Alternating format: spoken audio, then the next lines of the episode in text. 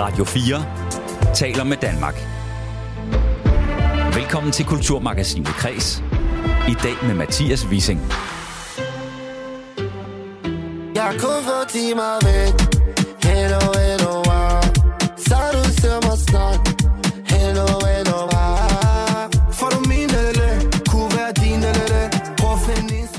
at du har måske bidt mærke i en øh, bekymrende tendens, for sange bliver kortere og kortere. I stedet for de her 4-5 minutter, ja måske endnu længere, så ligger mange sange på verdens top 50 sange på Spotify omkring de 2-3 minutter. Nu har øh, Casey Gilly, Benny James og BOC overgået sig selv og de fleste andre. 110 sekunder kan man efterhånden knalde en popsang afsted på, som du hører i baggrunden her.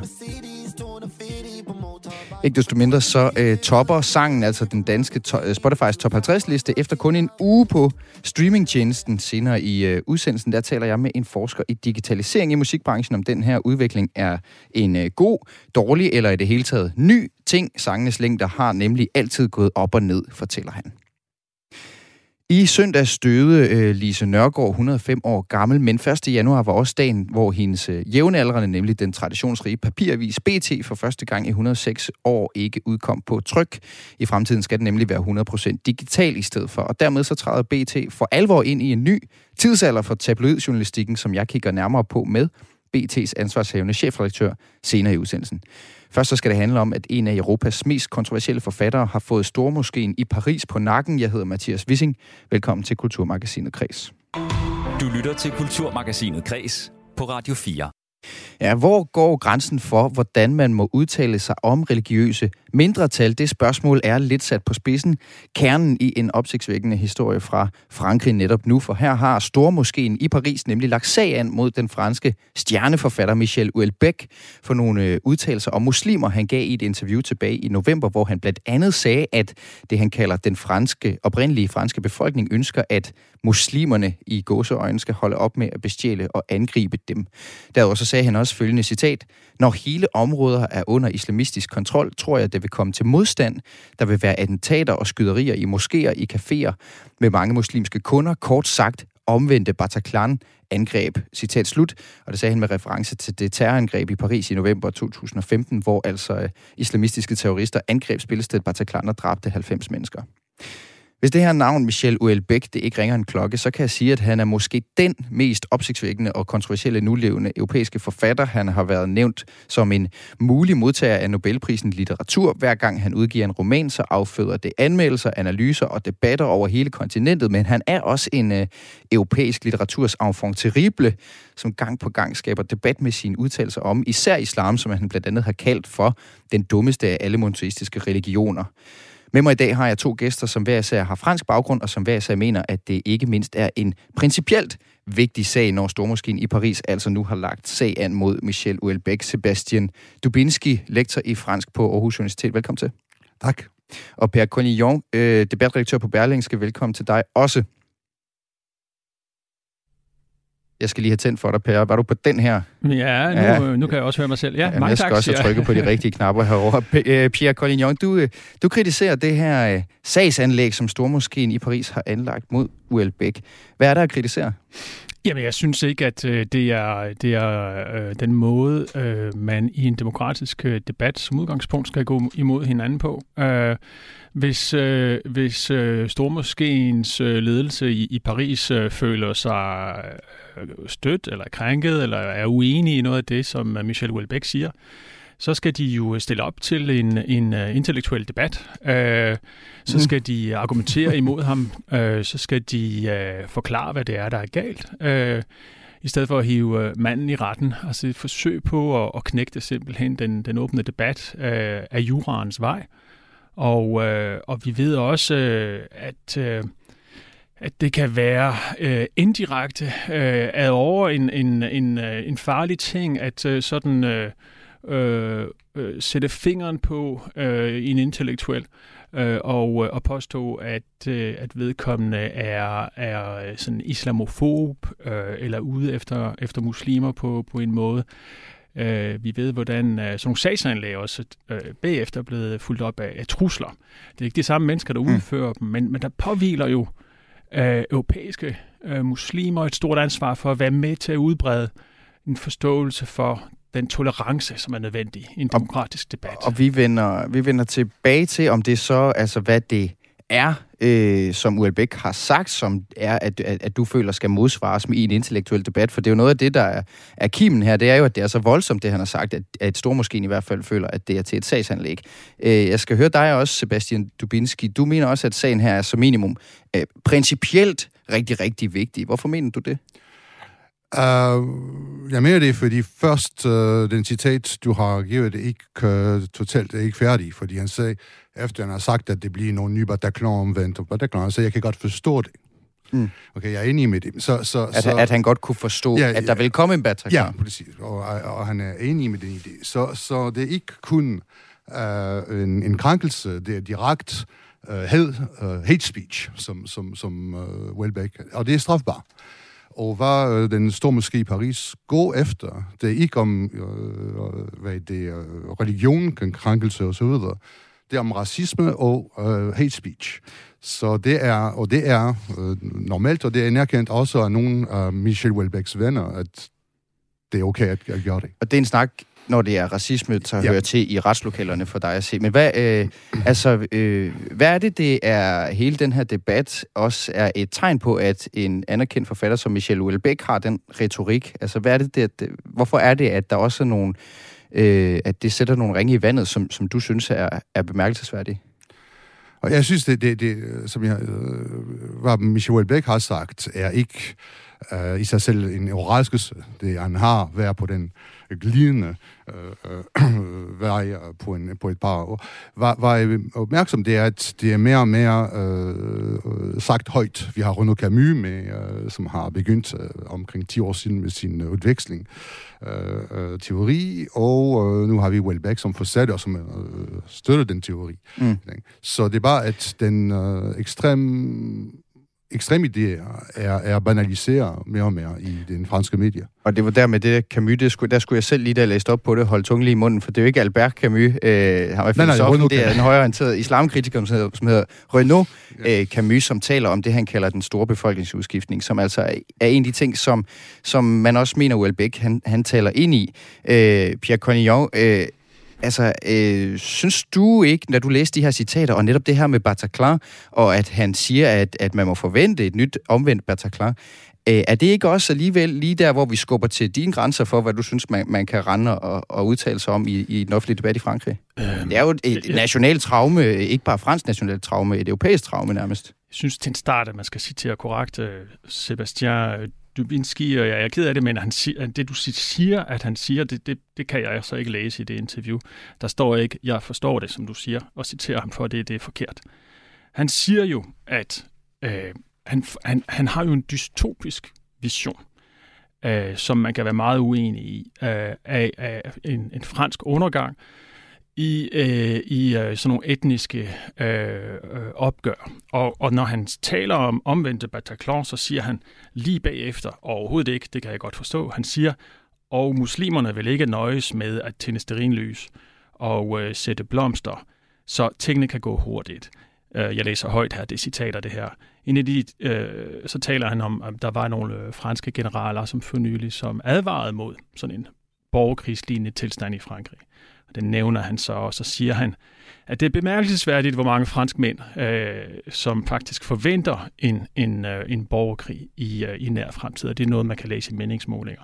Mm. Så det, jeg læser her, Michel Houellebecq øh, siger, er, er jo ikke, at han støtter terror. Det, jeg læser, at han siger, det er, at han kan se de her farlige dynamikker i vores øh, franske samfund. Øh, og, det, øh, og det sætter han så fingeren på, og det skal man altså have lov at gøre, uden at blive hævet i retten, og uden at øh, og, øh, blive beskyldt for at øh, være terrorapologet. Ja, vi skal have dig selvfølgelig på banen, øh, Sebastian. Hvad siger du til, til det, Pierre Cognon, han siger? Jeg mener, det er helt fint. Uh, udtryks, udtryksfrihed er, er vigtigt, og det er jeg enig med. Jeg synes bare, at hvis uh, Welbeck har sagt det samme omkring jøder, så det bliver har en enorm skandal. Så hvis vi bare erstatter muslimer med jøder i den udtalelse med det hele, mm. så kan man måske at se den problem, vi, vi har. Så mener du... Men undskyld, det er forkert at påstå, at han har sagt, at han forstår det og støtter det. Det, det passer ikke. Hvad, hvor- hvad bygger du det på, Sebastian, det her med, at han skulle have udvist forståelse for, for, øh, for, for, for, for, hvis der vil opkomme en omvendt Bataclan? For det er det, som, som Pierre Cognon siger, det, det, det mener han ikke står i citatet. Nej, bare, men bare den hele retorik om den, den kulturelle krig, kulturel borgerkrig, øh, muslimkultur, som truer det franske kultur, er meget klart en ekstrem højre holdning. Mm. Og det er også en, med reference til bata, omvendt Bataclan. Øh, og prædicere det, hvad vi læser hver dag i ekstrem højre, øh, Valeurs Aktuelle og så, øh, aviser og så videre. Så han fortsætter den retorik, som er en voldelig retorik. Og i de sidste par måneder, det har været meget, meget øh, aktiv øh, øh, angreb fra ekstrem, øh, ekstremister i Lyon for eksempel, Mm. imod andre øh, øh, grupper. Og det er, det, er, det er frygteligt. Det er netop, hvad han beskriver. Og, og, og Sebastian, jeg må bare holde fast, altså det, det passer altså ikke. Det, du startede med, og det, du, du kan jo heller ikke øh, pege på et citat. Så, så man må bare citere korrekt, og det er uhyre vigtigt, især når man vil have en mand i retten. Øh, og det, han peger på, det er netop også, som du siger, øh, en, et stykke virkelighed. Altså efter øh, semifinalen øh, i fodbold-VM øh, Marokko-Frankrig, hvad ser vi så i Frankrig? 10.000 politi øh, øh, betjente må på gaden for at prøve at og, øh, holde især øh, øh, franskmænd øh, med marokkansk baggrund øh, i ro. Der er, der er vold optøjer mod politiet. 40 øh, politifolk bliver såret. Og samtidig ser vi øh, nogle mindre grupperinger af sådan ekstreme højre grupper, som øh, i, øh, i Nice øh, øh, løber efter marokkanske fodboldtilhængere og, og råber ud med araberne, ud med araberne. Øh, I Montpellier er der øh, en, en forfærdelig scene, hvor øh, nogle øh, marokkanske fodboldfans omringer en, en hvid Citroën, hvor de ser øh, et fransk flag i bagruden, og chaufførens, bilens chauffør går lidt i panik og kører væk hurtigt og, og kører øh, en ung fyr over, som dør. Og efter det opstår der så nogle etniske øh, øh, optøjer mellem romager, fordi den person, der kørte bilen, var roma, Mm. mm. og, og marokkaner i Montpellier. du, så det, er godt, det, det, det er jo eksempler. Ja. det er jo Men- virkelighed, som, som, som man må forholde sig til i debatten. Og der er der så en debattør, en forfatter, som sætter nogle ord på det, som er skarpe. Mm. Men det er jo ikke hentet ud af, det, af den blå luft, og, og det er vigtigt, at vi, er, vi kan tale om de konflikter, der findes i samfundet.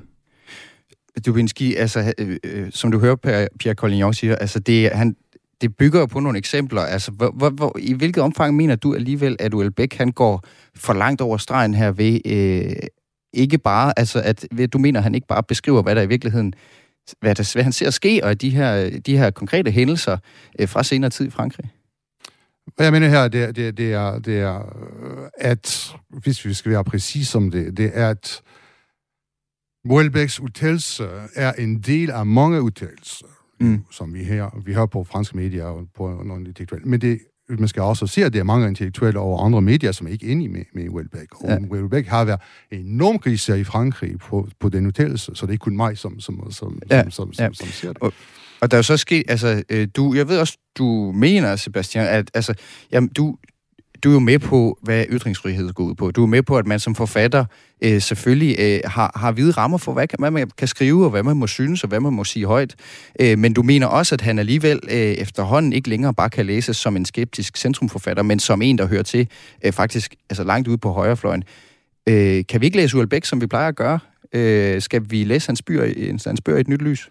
Jamen, jeg vil aldrig fortælle nogen, hvad som helst, jeg læser min præcis øh, måde. Jeg siger, at øh, hvad, hvad siger, vi, vi skal, hvad vi kan gøre, vi kan ikke spille naiv mere. Uh, det er ligesom øh, med store forfattere som Hamsun eller Celine, som var geni og fantastisk forfatter, og også nazister. Mm. Okay? Så, så, så jeg mener, jeg siger ikke, at Welbeck er nazist, men hvad jeg mener, det er, at vi skal tage hensyn til, hvad er øh, udtalt, og, og, og hvor det er udtalt, fordi Front Populær er en meget, meget højradikal. Øh, Som er det sted, hvor den her snak har været Præcis. trygt. Præcis. Øh, hvad siger det, de her udtalelser, øh, og, og den her snak, som han har haft og trygt i, i det her magasin, Pierre Collignon, øh, er der noget i den seneste debat her i Frankrig, kort til sidst her, som får dig til at læse Uelbæk anderledes? Mm, nej, altså jeg, jeg har været klar over hele tiden, øh, at øh, han har de der to sider, og nogle gange så fletter de jo ligesom sammen. Øh, noget af det, han siger øh, i, øh, i sine romaner øh, med, en, med en fiktiv stemme, er nogle gange noget af det samme, han siger i, i virkeligheden. Men hans romaner er jo fantastiske stadigvæk, lige meget hvad man mener om, om ham politisk. Øh, og de kan læses også, hvis man er meget uenig med ham politisk, øh, uden problemer. Øhm, så det vil jeg stadigvæk øh, anbefale, sådan bare som læser. Øhm, med hensyn til debatten, der, der øh, er det, øh, det andet citat, der er meget omstridt her, der taler, taler han om øh, muslimer, som stjæler og, og øver vold. Og det, man mangler øh, at, at, at sige, hvad han siger næste sætning er faktisk i den forrige, det er pakket ind i en sammenligning med det kinesiske mindretal i Frankrig, som er langt mindre integreret end øh, generelt muslimer er, øh, men som franskmændene alligevel lever fint med, siger Welbeck, fordi de er mindre kriminelle end den gennemsnitlige franskmand. Mm-hmm. Så det er jo det, der er pointen med det citat.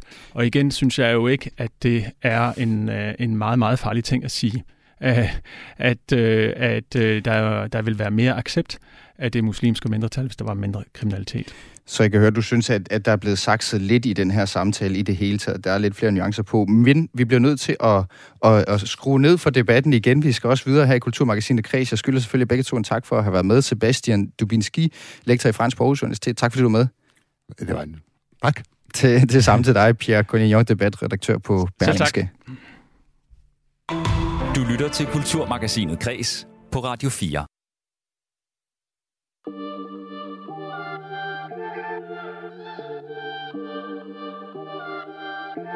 Jeg kunne få timer væk Hello, hello, ah.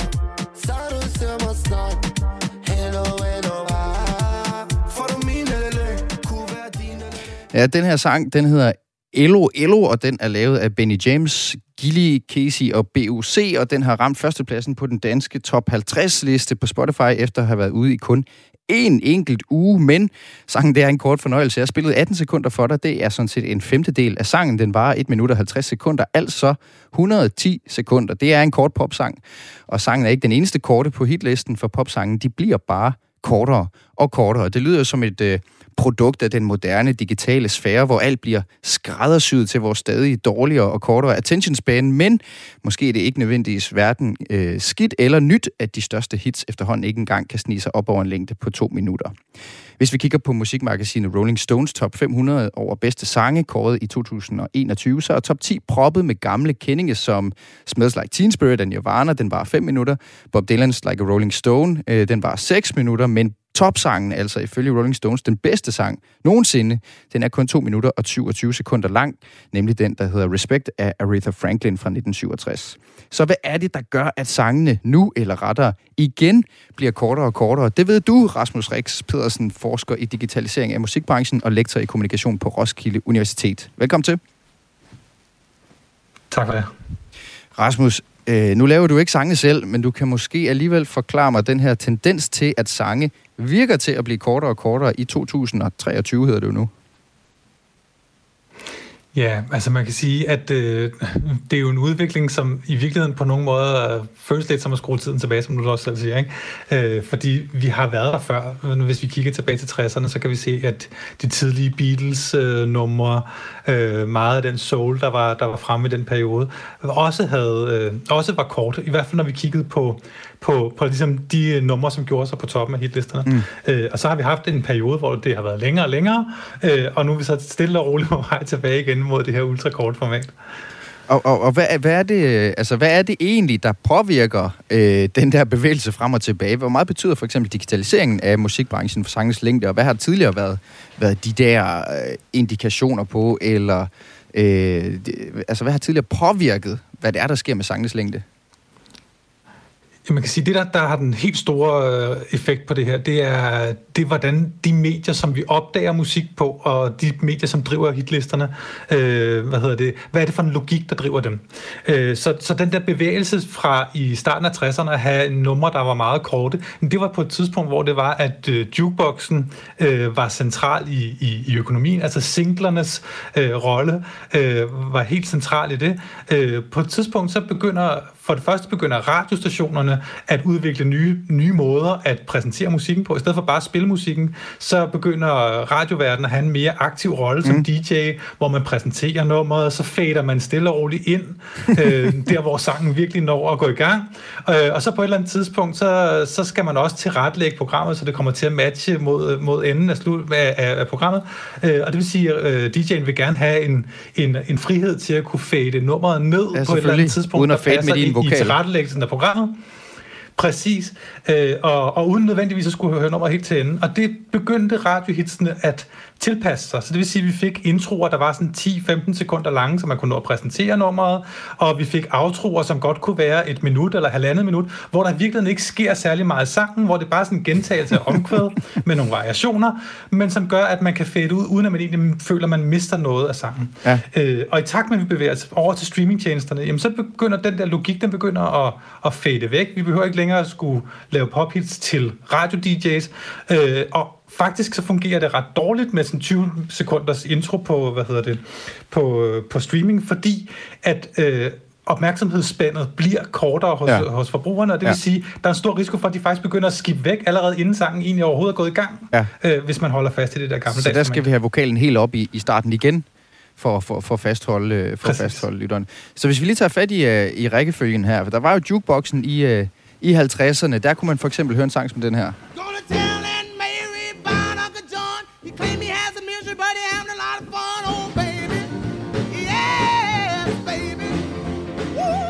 Ja, det er Little Richard med sangen Long Tall Sally på øh, 2 minutter og 7 sekunder. Det er jo lige før, den slår øh, Gilly og Company der, øh, som er fra jukeboxens tidsalder. Mm-hmm. Vi kan også høre, at den starter bang direkte på noget, øh, direkte på noget øh, vokal. Øh, så det var altså det her med, at, at der skulle de bare have hamret nogle sange igennem, fordi de tjente penge hver gang en sang var spillet. Så var der de her øh, 70'erne og 80'erne storhedstiden for de lange albumsange. Det er jo, det er jo der, jeg rigtig spejler mig i, når, når, jeg, skal være, når jeg virkelig skal læne mig tilbage i musikken. Så øh, det, det er altså det her, der er skrevet til albumene.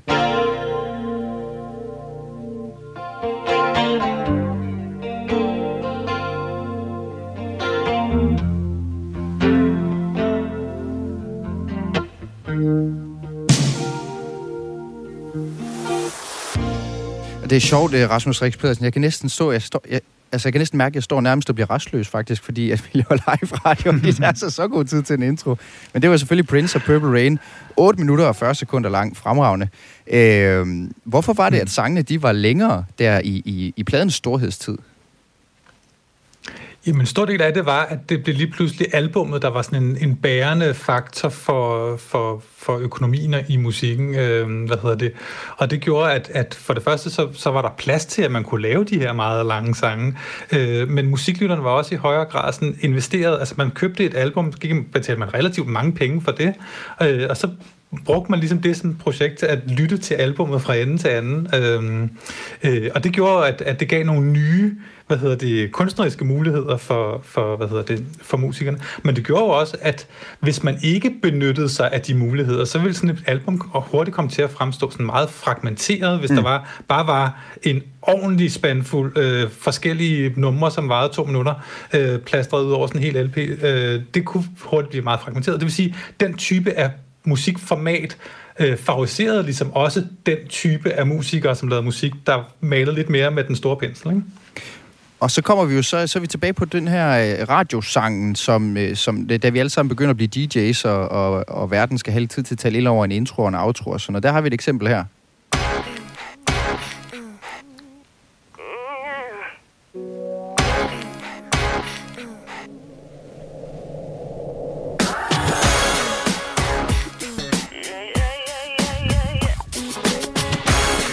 Er jo faktisk virkelig en helt forkert, at jeg står stille og lytter til det, og ikke snakker ind over, for det er jo meningen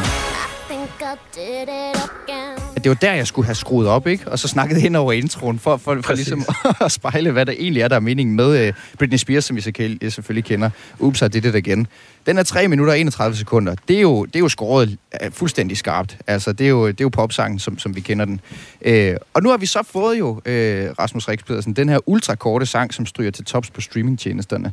Uh, altså, hvad er det, som er spændende ved den udvikling? Altså, at vi simpelthen har fået en sang nu, som er 100 10 sekunder lang, og den er endda længere end noget af det, vi ser, som vi skal tale om lidt. TikTok.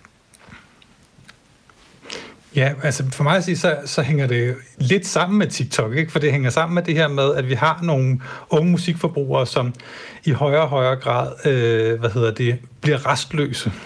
Øh, og vi kan se det på streamingtjenester som Spotify, men, men det bliver jo sådan endnu, endnu mere hvad hedder det, tydeligt, når vi kommer på, på TikTok. Det her med, at økonomien og logikken i, hvordan musik bliver anbefalet på streamingtjenester som Spotify, er bygget op omkring, at øh, hvad hedder det, efter 30 sekunder, så falder der afregningen til, til musikerne, øh, og det tæller for et stream, og så er det ligegyldigt, hvor lang sang er efterfølgende. Så der er ikke nogen årsag til at lave en sang på 31 sekunder? Jo flere gange kan den nå at blive spillet. Ja, ja, ja. Ja, hold da op. Det, det, det, du kunne principielt komme helt ned fra 31, ikke? Ja. ja, så, Jamen, det, men det er bare vildt spændende jo i det hele taget, det her. Også det der med, hvordan øh, der så er kommet et medie som TikTok, som er det her, den her digitale sociale medietjeneste, sociale medier ved jeg ikke, om det er, men det er en videotjeneste med rigtig, rigtig korte videoer, øh, hvor altså et symbol nærmest på accelerationssamfundet, øh, hvor en sang, for eksempel øh, den, der hedder Escapism Array, øh, den ligger lige nu top 5 på den danske top 50 øh, på, på Spotify. Du hører lige, hvordan den eh, normalt lyder.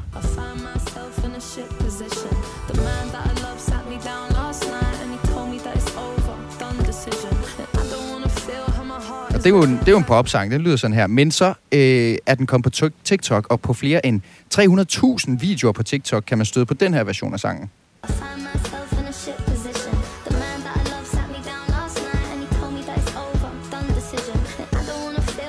Altså, den er simpelthen lige taget øh, en lille smule speed øh, og, er kommet, og blevet TikTok-egnet. Hvad er det egentlig, der foregår med de her sange med højere hastighed, som lige nu øh, hitter på TikTok? Hvad går, du, det, hvad går det ud på? Det virker, det virker næsten banalt jo, Rasmus Rix, bare lige at speede dem op. Jamen, det er jo, men det er jo et spørgsmål om, at TikTok, der, der skal du simpelthen få kogt det ned på 10-15 sekunder. Det er den optimale længde på en TikTok. Øh, og hvad hedder det? Og mange sange er simpelthen for langstrukne til det. Øh, og så er det jo så oplagt det her med at bare lige at sætte tempoet lidt op, for så kan man nå mere musik på kortere tid. Ikke? Øh, og, og jo egentlig et meget fint udtryk for det her med, at mediet i den grad former. Ja. Ja, men det, ja, det, det, det er simpelthen en underlig tendens, altså, fordi, øh, men, men smart nok selvfølgelig, man kan proppe en masse mere musik ind. Det er jo ligesom det der, folk, der hører podcast på halvanden gang i tempo, eller dobbelt tempo, for at nå og få mere ind i hovedet. Øh, men det får mig til at tænke på, Rasmus Rix Pedersen, om min øh, elskede lange sang, altså Champagne Supernova og Shine On You Crazy Diamond og den slags ting. Kommer det nogensinde tilbage? Øh, det kunne jeg forestille mig, at det gør på et eller andet tidspunkt. Altså, det, det der jo er sjovt ved udviklingen i musikkulturen, det er jo, at, øh, at rigtig meget af den er jo drevet af oprør mod dem, der er kommet før i. Øh, så det vil sige, at vi ser den her type af bølger frem og tilbage. Øh, og, og lige nu har vi nogle medier, der i den grad betoner det, det hurtige og det korte. Og det og det gør, at man ikke nødvendigvis som ung popmusiker, der, der laver nye hits, øh, tænker over, at man gør det kort. Man gør det bare ligesom ens forbilleder gør. Øh, dem, der også bliver spillet lige nu. Øh, men på et eller andet tidspunkt kan det meget vel være, at der kommer en, en, en måde at kunne frigøre sig fra det, ved at begynde at tænke længere. Øh, og det kan også være, at vi ser nogle tendenser til, at nye medier, der bliver introduceret til øh, at opdage musik, eller til at lytte til musik på, bliver øh, nogen, der i højere grad egner sig til øh, de lange formater igen.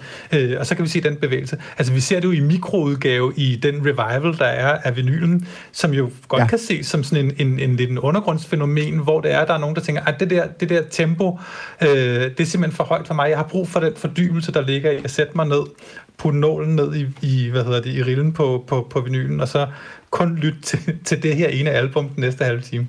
Vi følger udviklingen tæt, og så ringer vi til dig igen, Rasmus Rix Pedersen. Det er en aftale. Tak fordi du er med, altså forsker i digitalisering af musikbranchen og lektor i kommunikation på Roskilde Universitet. Radio 4 taler med Danmark.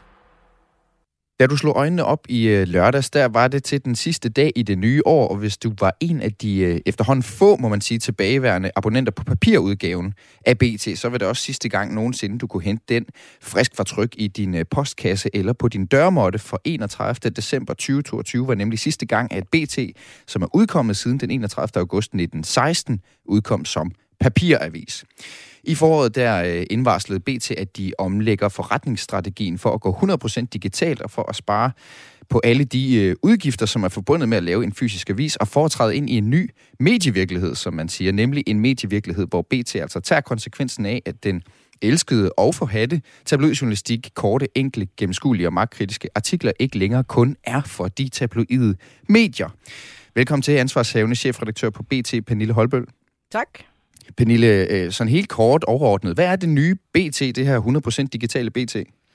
Man kan sige, først og fremmest er det jo ikke nyt nyt. Øh, det nye er, at vi ikke øh, længere her fra årsskiftet udkommer på print, men hele, hvad skal man sige, den digitale udvikling og, og BT, der, der satser og, og udkommer på digitale platforme, er ikke nyt. Men det er klart, vi ønsker, og jeg ønsker at øh, skærpe den øh, sådan moderne tabloide øh, tilgang til, øh, til journalistikken og, og gøre øh, BT til et, øh, et øh, produkt, som endnu flere øh, bruger. Mm.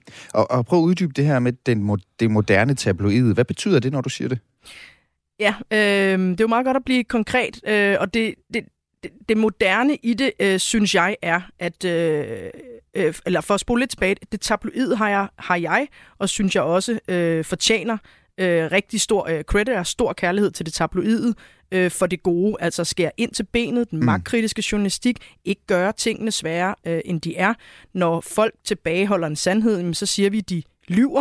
Øh, altså man siger tingene, mm. øh, som de er. Mm. Øh, den moderne øh, tilgang til det, synes jeg, er også at udvide det til at udkomme i nogle nye formater. Øh, det handler om lyd, det handler om video. Jeg synes også, det handler om, at, øh, at tabloid journalistik ikke nødvendigvis er, hvor du sådan kaster op ud over folk, men mere at du, at du svirper, og du går til det, men også at du laver nyheder, sport, underholdende på en uh, engageret, begejstret og, og let tilgængelig måde, så, uh, så det bliver et, uh, et fedt produkt, uh, og ikke nødvendigvis er så, uh, ja, så, så, uh, så aggressivt. Ja, okay. Øh, før øh, udsendelsen, der talte jeg med øh, tidligere chefredaktør på Ekstrabladet, ham som hedder Paul Madsen, som i dag er øh, kommunikationsrådgiver og kommentator om øh, lige præcis det her med det tabloide. Øh, prøv lige at høre, det tager et minuts tid, ja, det klip her, ham med ham. chef. Ja, de, ja, men du kender ham. ja. Jamen altså, der er jo sagt nogle meget berømte ord om, øh, øh det, om tabloidjournalistikken for mange år siden efterhånden, at tabloidjournalistikken var dem, der øh, at rydde op i smusset i øh, samfundet. Men kan man, kan man jo sige, at tabloidjournalistikken har jo altid modbevist, at det var sådan noget, som lå hen i et hjørne for de ganske få, eftersom at øh, både Ekstrabladet og BT altid har været danskernes foretrukne, øh, når det galt om at få øh, journalistik på en, en underholdende og enkel måde. Og så kan man diskutere, om tabloidjournalistikken øh, i øjeblikket er ved at skyde sig selv i foden med, at man har blandet så meget underholdning ind i den der klassiske afslørende øh, måde og kontrollerende måde, vagthund-måden, man, man ser på det over for, for alle personer med magt i det her land. Jeg tror, man skal passe på de kommende år, at øh, underholdningen ikke kommer til at fylde endnu mere, fordi så, ser, som jeg ser det, så overflødiggør man sig selv og reducerer sig selv til, til kan man sige, den boulevardpresse eller den underholdningspresse, som man i virkeligheden kan få alle steder. Ja, Pernille, der er sådan en lille advarsel til sidst mod at reducere det her, det nye tabloid til at være for meget underholdning. Og det jeg også tænker ved øh, det, som du siger om det moderne tabloid og den nye øh, retning, eller den opdatering af BT, er, om der kommer til at mangle den her øh, klapperslange journalistik, altså hvor man går lige til grænsen, og nogle gange lidt over i den måde, som du kommer til at tænke BT på fremover. Jamen, øh, altså nu var jeg jo også, øh, da vi talte tidligere, også øh, mig selv, der brugte ordet øh, klapperslange journalistik. Ja, netop. Og, øh, og, og netop, øh, jeg er meget enig øh, med, øh, med Paul øh, i, at at, at, øh, at tabloid-journalistikken øh, øh, skal, øh, skal huske sin, sin, øh, sin øh, raison être, altså skal være øh, tro mod det, som, øh, som det virkelig handler om. Og det er selvfølgelig at have øh, de her historier, som øh, afdækker, afslører, øh, er magtkritiske. Øh, omvendt synes jeg også, at, at underholdningsjournalistikken øh, i høj grad også kan blive mere øh, svirpende, og, og, og, og man også tager den øh, alvorligt. Samtidig skal det ikke være en straf for brugeren at gå på, øh, på BT.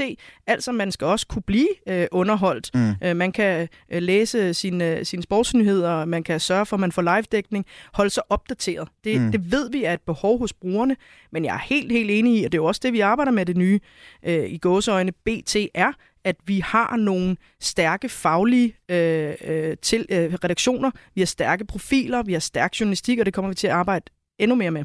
Hvad, hvad kunne man tænke sig som eksempel på det her med at være øh, mere svirpende end decideret opkast, som, som du har sat tidligere? Jamen, jeg, jeg, og, jeg, og jeg vil meget gerne være konkret, men det er jo svært, fordi det her, det handler også om tone. Mm. Det handler om tonaliteten i et medie. Altså, hvordan er det, vi går til tingene? Hvordan er det, vi grundlæggende, vi anskuer, omtaler øh, øh, både personer og øh, øh, politisk? Altså, er vi, vi, vi, vores tilgang er ikke at rive alt fra hinanden, og mm. kaste op på det. Vores tilgang er at gå kritisk til de institutioner, om det er kongehuset, om det er øh, politisk, øh, om det er virksomheds, øh, virksomheder og virksomhedsejere osv. Så, så jeg tror, det, det, det er noget med tonaliteten, og det er noget med en, en følelse af at rykke noget øh, øh, videre og rykke øh, noget, øh, hvor vi gør tingene på en, på en lidt anderledes måde og pinpointer nogle af de ting, som, øh, som man ikke normalt måske mm. øh, ville gøre, og som, om, som, og som tidligere måske gik lidt mere igennem. Altså, hvordan omtaler man kendte politikere? Øh, kan, vi, kan vi luge lidt ud i de der tabloide klichéord? Ja. Det vil jeg i hvert fald gerne. Ja. Er vi lykkedes helt med det endnu? Sikkert ikke, men, øh, men vi er i hvert fald øh, øh, bevidste om det. Og om lidt så skal vi tale om, om, om, om anledning til, at vi overhovedet taler om, hvad BT skal være. Altså det her med, at I er gået helt digitalt nu. Men jeg vil også gerne lige høre dig, hvad er det, som i dine øjne har, har forandret sig, som gør, at du mener, at, at BT det godt ligesom kan, kan skifte fokus, eller skal skifte spor?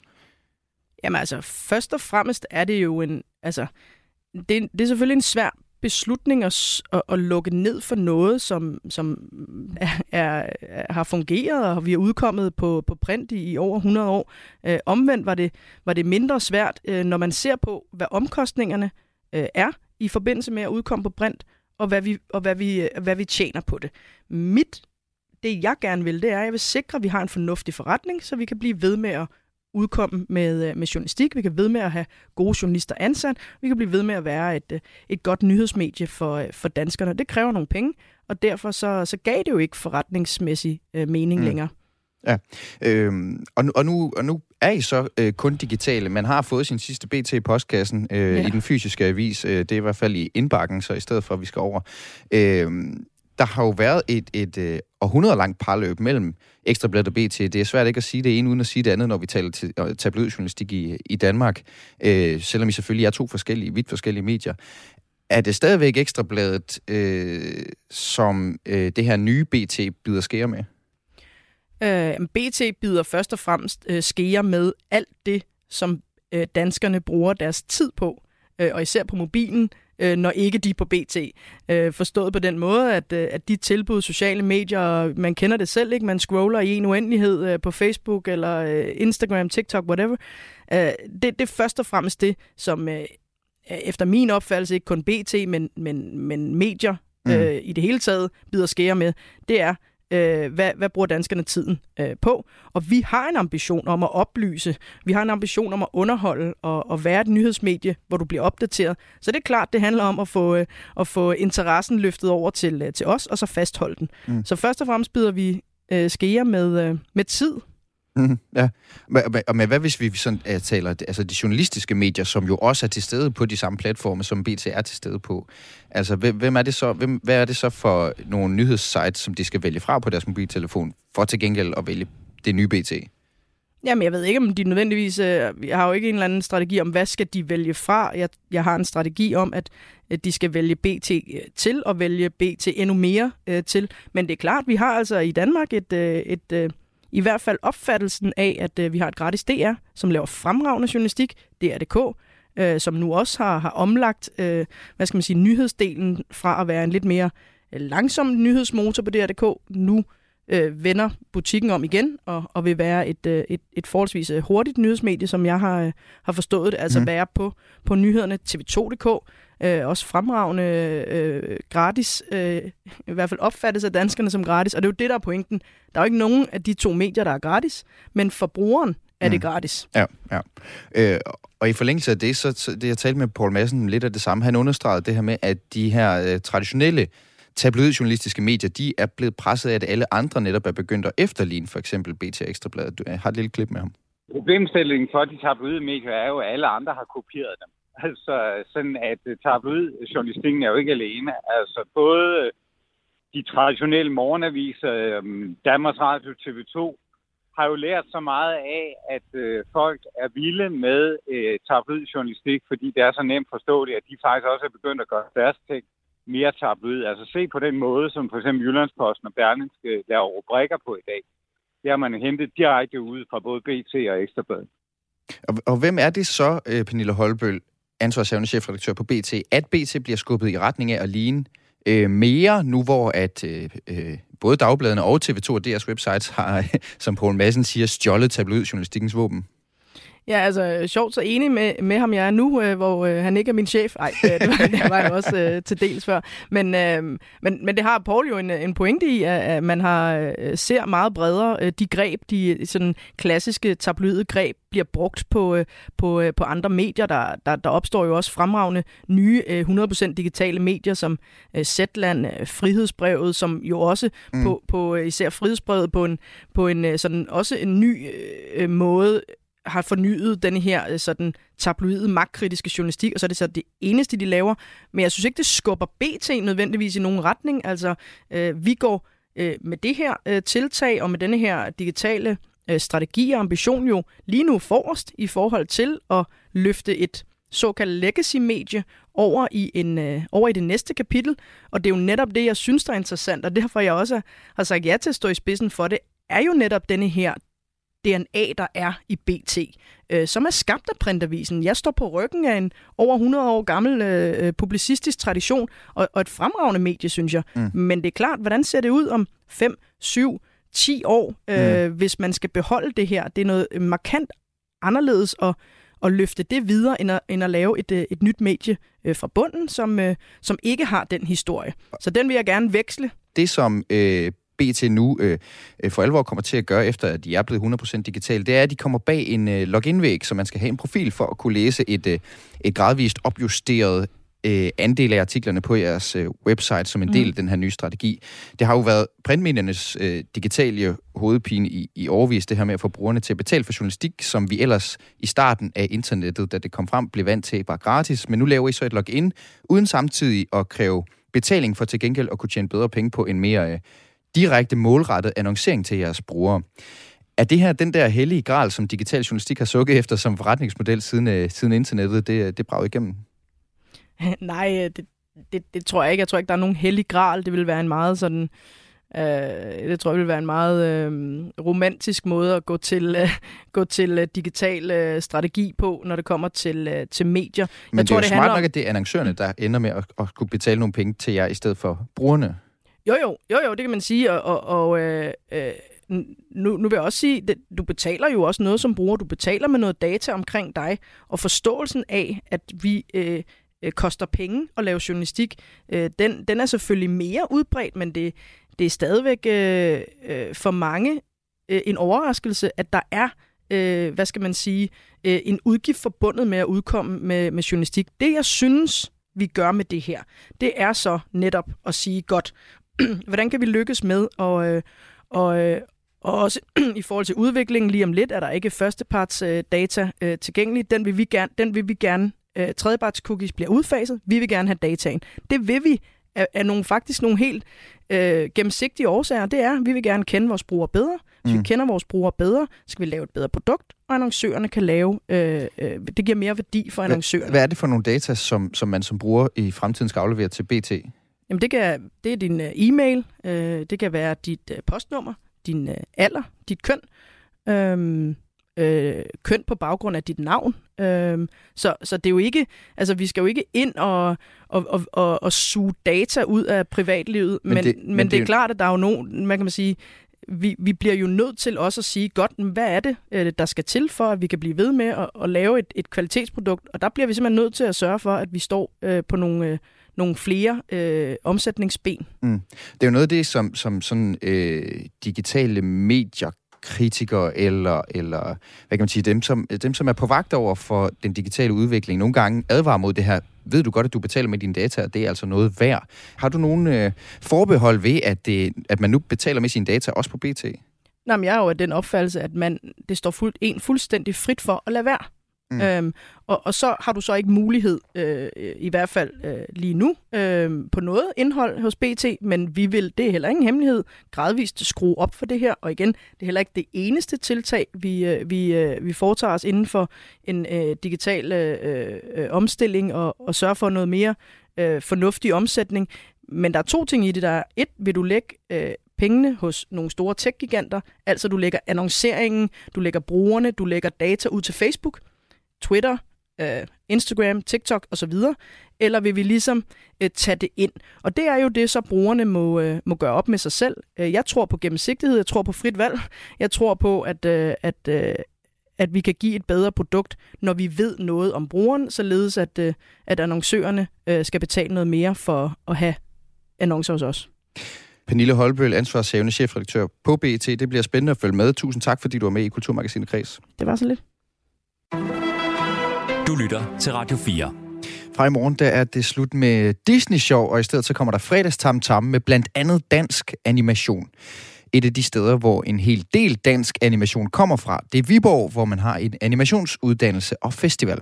Og netop Viborg anbefaler ugens kulturagent på Kreds, som selv er fra Midtjylland, at du kigger forbi. For at Viborg er en animationsby, det er der måske ikke så mange, der ved, siger Anders Christensen til Maja Hall er jo faktisk op på den gamle, fine kaserne. Det er jo lavet om til et helt vildt, øh, ungt, hipt miljø med mange små virksomheder, men også en øh, animationsskole, hvor man kan blive udlært i at blive animator og grafiker og alt muligt andet. Og så er der jo også en animationsfestival, der bliver afholdt i øh, Viborg. Jo, og den, den er faktisk også, den, den vokser jo heldigvis øh, større og større. Den hedder jo WAF. Der er sådan en, en grøn hund, som sådan er er, er symbolet for Viborg Animationsfestival, som BAF står for. Og det er hver år i september, hvor man kan komme ind og se en masse fantastiske øh, film. Og nu er Viborg jo også blevet berømt, fordi øh, fredags øh, øh, showet der, øh, hvad hedder det, Disney Show, det er jo sådan blevet ændret lidt til en, en animationsfredag.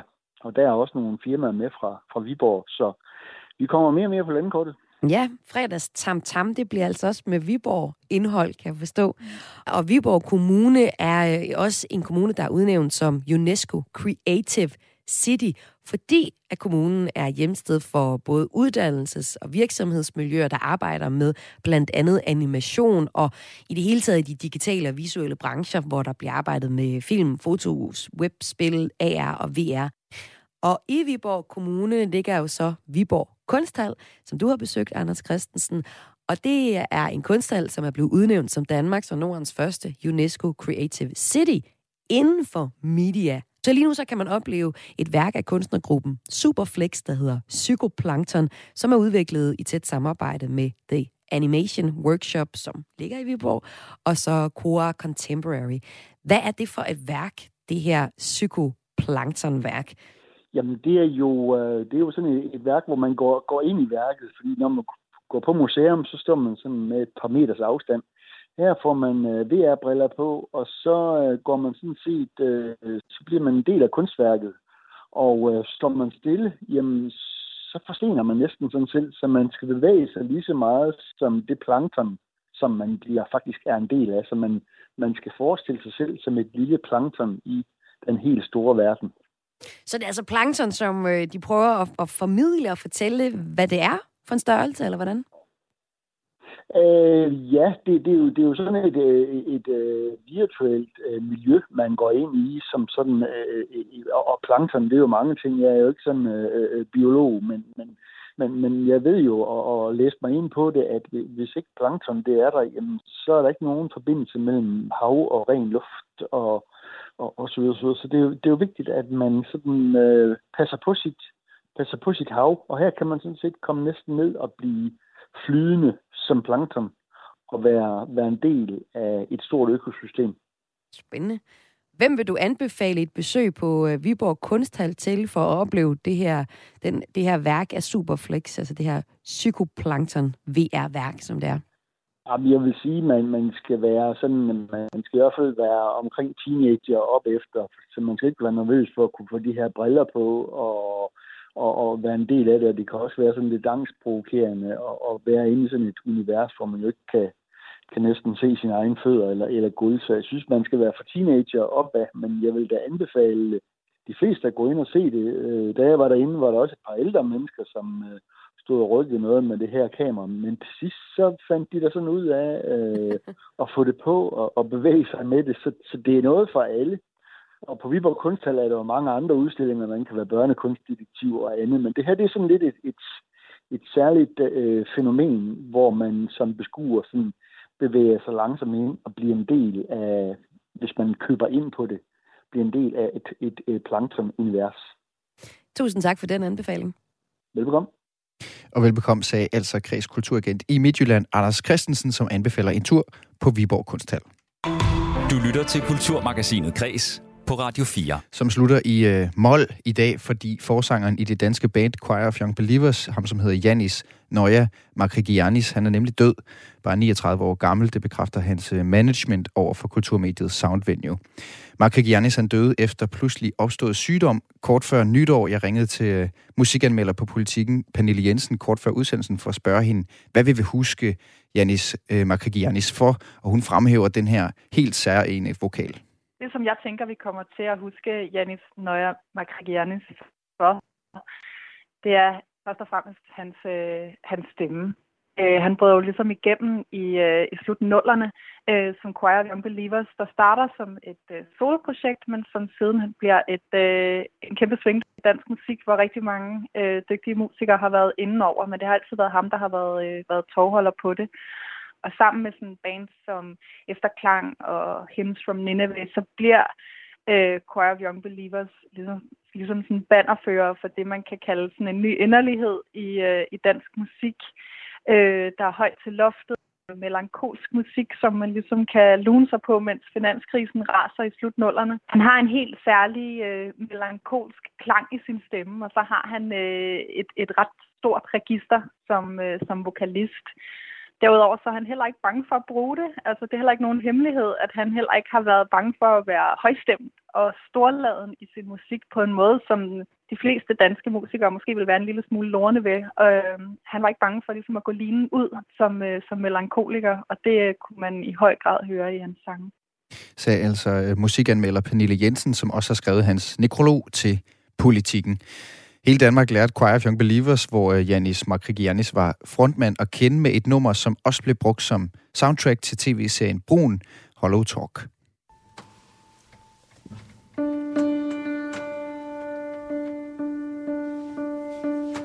Echo starters across the room Trembling noises that come too soon Spatial movement which seems too near Resonating a mask of fear Hollow talking a hollow game Thoughts that I from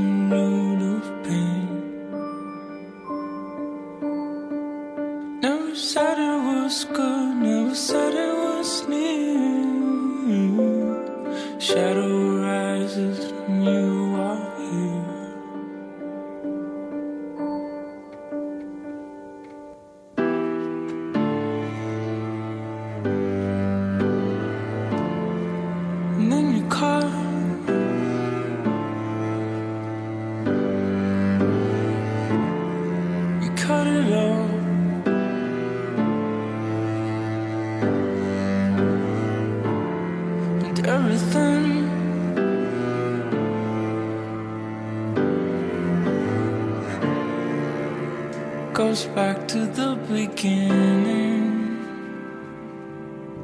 Silence ceases a clouded room. Light is shed, not a breath too soon. Darkness rises, and all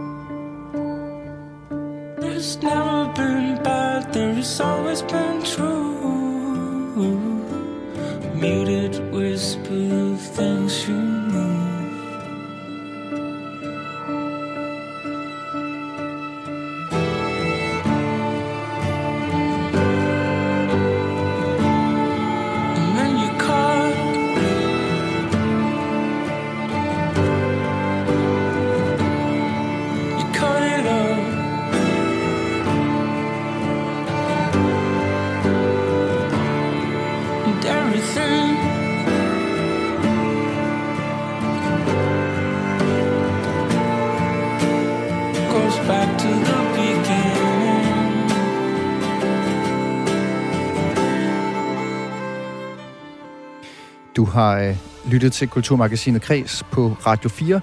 Programmet var sat sammen af Søren Berggren Toft, Maja Hall og Sara Birk Becker.